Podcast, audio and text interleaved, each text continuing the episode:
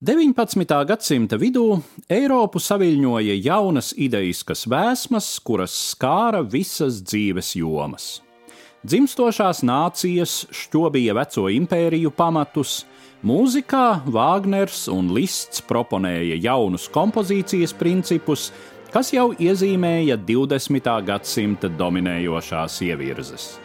Čehu komponista Bedoržīha Smetanas personība izrādījās sabiedrības un kultūras revolucionāro strāvojumu krustpunktā. Viņa radošais mūžs bija veltīts Čehu nacionālās mūzikas tradīcijas iedibināšanai uz tobrīd progresīvākās Eiropas muzikālās domas pamatiem.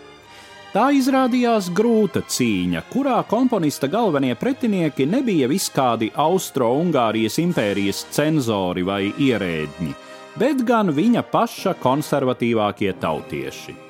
1862. gadā atgriezies dzimtenē pēc astoņu gadu sekmīgas darbošanās ārzemēs, Smetana vēl vairākus gadus bija spiests izcīnīt sev pienācīgu vietu Prāgas mūzikas dzīvēm.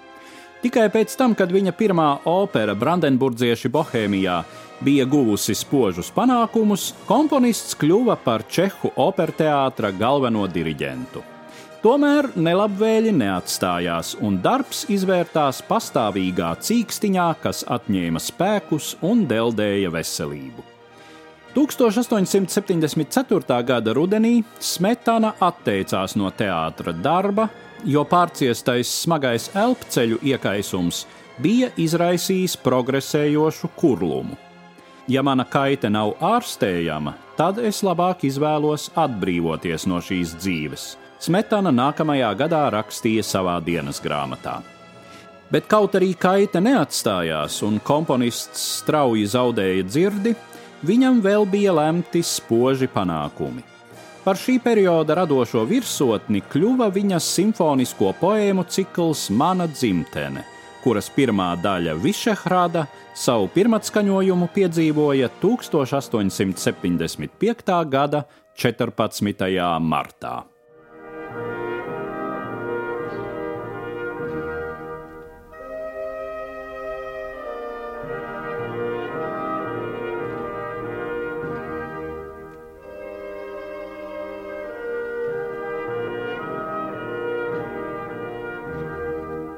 Pirmajai poēmai, kas veltīta senajai Čehu karaļu rezidencei Višehrādas pilī, Prāgas pilskalnā, sekoja nākamās. Otrā veltīta Vltāvai, upei, kurai Čehu nacionālajā pašapziņā ir līdzīga loma tai, kāda pieder Daugavai latviešu dzimtenes izjūtā. Smetanas mūzika ilustrē upes plūdumu, iezīmējot tajā pat gluži topogrāfiskas detaļas Svētā Jāņa krāces, jau pieminēto Višehrādu upes krastā. Trešā poēma Šarka balstīta leģendā par teiksmainu meža meitu, kareivīgu amazoņu cilts vadoni Šarku, kura ieviļ un apdzirdā ar sazāļotu medalu bruņinieku Stiradu un viņa kara draugu, un kareivīgās meitas nežēlīgi noslepkavo aizmigušos vīrus. Nākamajā daļā no Čehijas mežiem un pļavām tēlots dzimtenes dabas skaistums. Daļa Tabora veltīta pilsētai, kura savulaik tapusi kā husītu kustības galvenā mītne, bet pēdējā daļa Blaniks - kalnam, kura dzīvēs, kā vēsta leģenda, dus Čehijas aizbildnis Svētais Vāclavs ar savu kara draugu, kas nāks palīgā tautai, ja tai draudēs nāves briesmas. Šīs daļas finālā atkal izskan Višehrādas motīvs. Viss cikls kopumā pirmoreiz tika atskaņots 1882. gada novembrī.